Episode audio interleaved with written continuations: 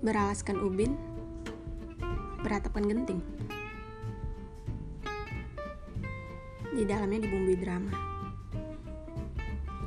Hangatnya bicara dan dinginnya bungkam.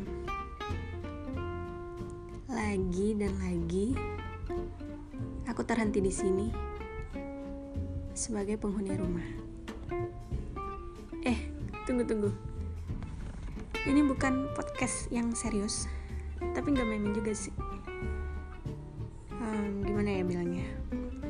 Ini podcast yang main-main, tapi sedikit serius. Ya begitulah. Semoga kalian suka, dan aku butuh kalian buat jadi pendengar. Terima kasih.